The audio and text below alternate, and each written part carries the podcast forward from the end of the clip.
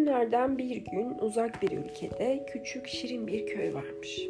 Bu köyde hiç kimse yalan söylemezmiş. Biri hariç, o da küçük çoban. Küçük çoban her zaman arkadaşlarına şaka yaptığını sanarak yalanlar söylermiş. Bir gün çoban sürüsünü alıp meraya götürmüş. Koyunlar, kuzular otlaya dursun, bizim çoban da can sıkıntısından ne şaka yapacağım diye düşünmeye başlamış.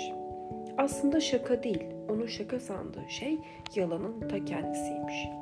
Birden aklına gelmiş. Köylülere bir şaka yapayım da eğleneyim demiş. Köylülere seslenmiş. İmdat, imdat, yetişin ahali, kurt sürüsü kuzulara geldi, yardım edin, yetişin. Köyde kim var kim yok eline almış sopayı doğru koşmuşlar çobanın sesine. Çobanın yanına vardıklarında bir de ne görsünler.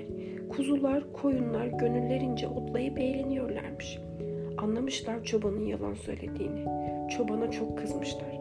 Ama bizim çoban şaka yaptığını söyleyerek gülmeye devam etmiş.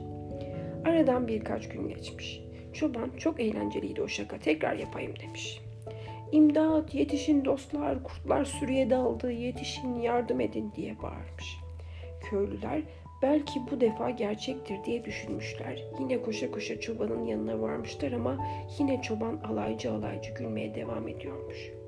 Köylüler bu defa çok sinirlenmişler, çok kızmışlar. Aralarında sözleşmişler. Bir daha bu yalancıya asla inanmayalım diye. Bir gün yine çoban kuzuları otlatırken sürüye gerçekten kurtlar saldırmış. Çoban ne kadar bağırmış çağırmışsa da ona inanan olmamış. İnsanların güvenini yitirdiğinden bütün servetini de kaybetmiş.